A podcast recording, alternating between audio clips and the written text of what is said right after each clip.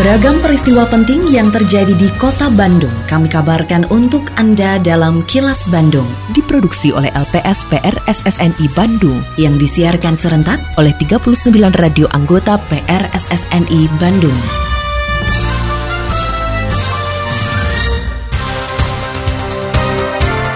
Sejumlah informasi aktual kami hadirkan untuk Anda dan inilah informasi utamanya.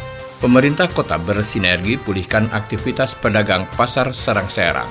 DPRD dorong RTH di kota Bandung terus ditambah. Jawa Barat provinsi tertinggi pelaku UMKM daftarkan kekayaan intelektualnya. Saya Yudi Dirgantara inilah kilas Bandung selengkapnya.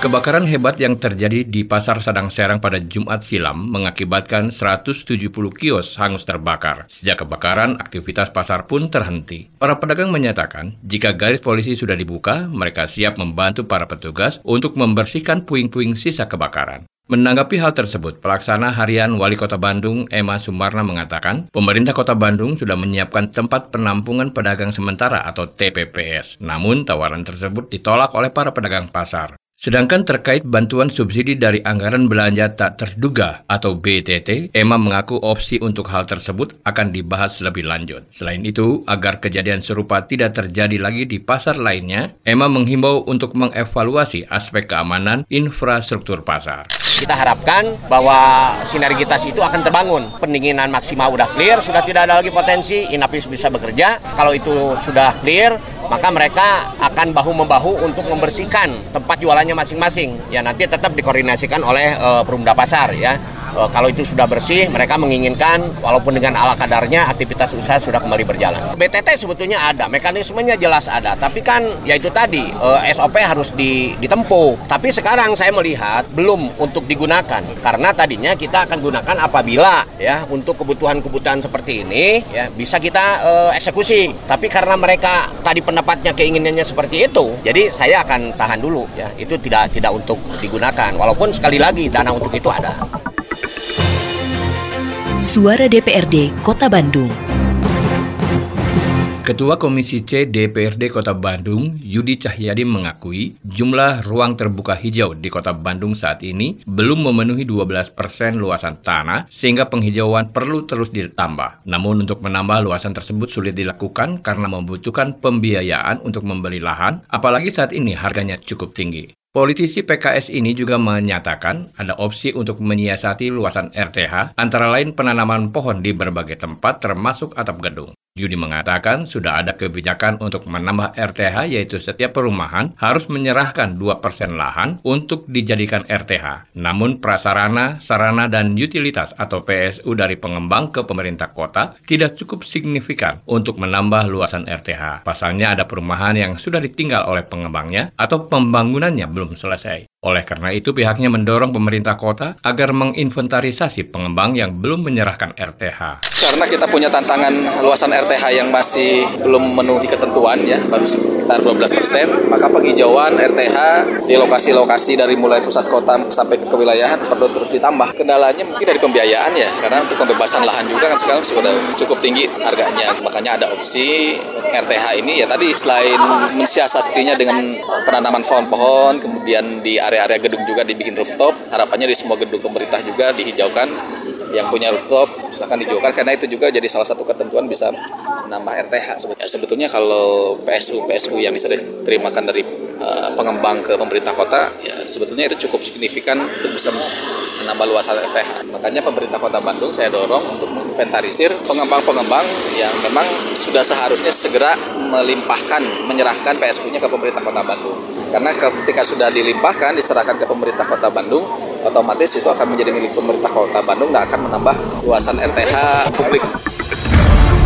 Kini, audio podcast siaran Kilas Bandung dan berbagai informasi menarik lainnya bisa Anda akses di laman kilasbandungnews.com.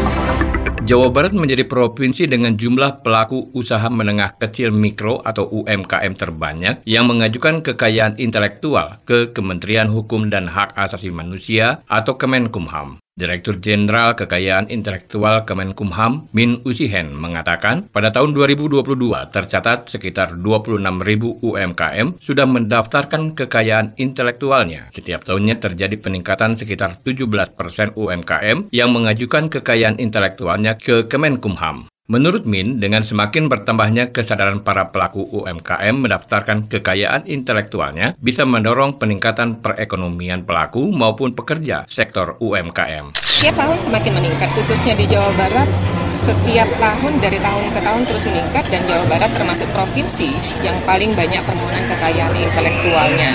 Jadi tadi disampaikan ada 36.671 kekayaan intelektual yang sudah didaftarkan uh, di tahun 2022 ini dan kita berharap uh, peningkatan itu terus terjadi agar ekosistem kekayaan intelektual mulai dari menciptakan kemudian melindungi sampai dengan memasarkan atau pemanfaatannya itu bisa uh, terus dilakukan untuk meningkatkan perekonomian uh, di daerah itu maupun untuk peningkatan pendapatan dari para UMKM atau pelaku ekonomi kreatif itu. Dinas Pendidikan Provinsi Jawa Barat bisa membatalkan status siswa yang tersangkut kasus pemalsuan dokumen dalam penerimaan peserta didik baru atau PPDB tingkat SMA sederajat di Jawa Barat tahun 2023. Kepala Dinas Pendidikan Provinsi Jawa Barat Wahyu Mijaya mengatakan pihaknya mengedepankan prinsip perlindungan terhadap siswa. Jika terbukti ditemukan pemalsuan dokumen, siswa yang bersangkutan diberi waktu satu tahun untuk bersekolah, namun setelah itu diminta keluar dari sekolah. Menurut Wahyu, modus pemalsuan KK dilakukan dengan membuat barcode palsu yang seolah-olah tersambung ke situs resmi Disduk Capil. Nah, dengan asumsi perlindungan terhadap siswa ini, jika, ini jika ya, saya belum bisa memastikan kan, jika dari 89 itu apakah seluruhnya atau sebagian atau mungkin tidak ada gitu ya. Nah, dari 89 ini berarti kita harus melakukan pembatalan yang tadi. Tetapi kita prosesnya akan dalam satu tahun. Artinya siswa bisa tetap sekolah di sekolah yang sama saat ini, tetapi untuk yang selanjutnya itu bisa uh, keluar dari sekolah tersebut. Baru sekitar satu bulan menghirup udara bebas, seorang pria berinisial TP kembali harus masuk sel tahanan karena melakukan pemalakan terhadap seorang pedagang nasi goreng. Kapolresta Bandung, Komisaris Besar Polisi Kusworo Wibowo mengatakan, polisi berhasil menangkap dua dari tiga orang pelaku pemalakan terhadap pedagang nasi goreng di Jalan Raya Sayuran, Kecamatan Dayakolot, Kabupaten Bandung, yang videonya sempat viral di media sosial. Dalam rekaman tersebut terlihat pedagang nasi goreng tiba-tiba didatangi tiga orang yang berboncengan dalam satu motor. Seorang pelaku yang duduk di tengah kemudian turun sambil membawa senjata tajam dan memaksa meminta uang kepada korban. Akibat perbuatannya, para tersangka akan dijerat dengan Undang-Undang Darurat Nomor 12 Tahun 1951 serta Pasal 365 KUHP dengan ancaman hukuman pidana penjara selama 10 tahun. Buka jam 5 sore, menjajakan dagangannya, kemudian muncul satu sepeda motor isi tiga orang, pengendara yang tengah turun dari motor, kemudian membawa senjata tajam ini, kemudian meminta uang kepada pedagang nasi goreng tersebut. Dan diberikan 5.000 oleh si pedagang kepada yang bersangkutan, yang bersangkutan tidak mau, mintanya 20.000. Begitu dibuka lacinya, yang kelihatan adalah 50.000. Diambil 50.000, si pedagang minta kembalian. Namun si pelaku mengatakan minta kembalian mau dibacok sehingga si pedagang nasi goreng tidak berani untuk minta kembalian. Assalamualaikum warahmatullahi wabarakatuh. Sampurasun, salam pariwisata. Dalam rangka meningkatkan promosi pariwisata, Disdukbar Kota Bandung selalu menghadirkan informasi terkini perihal kebudayaan, pariwisata, dan ekonomi kreatif dengan media yang digunakan untuk Instagram Live dilakukan setiap hari pukul 11 siang, 1 siang, dan 4 sore.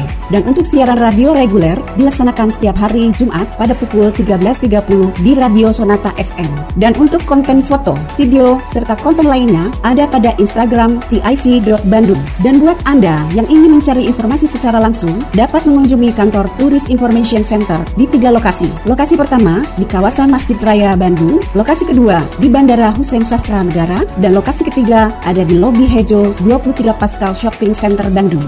Mari dukung kemajuan pariwisata di Kota Bandung dengan follow Instagram tic.bandung. Hatur nuhun. Wassalamualaikum warahmatullahi wabarakatuh. Pemerintah menetapkan status pandemi COVID-19 di Indonesia sudah berakhir dan mengubah COVID-19 menjadi penyakit endemi. Tetap jaga kesehatan diri, tetap jaga kesehatan diri dan keluarga selama situasi endemi dengan terus menjalankan perilaku hidup bersih dan sehat. Terima kasih Anda telah menyimak kilas Bandung yang diproduksi oleh LPSPR SSNI Bandung.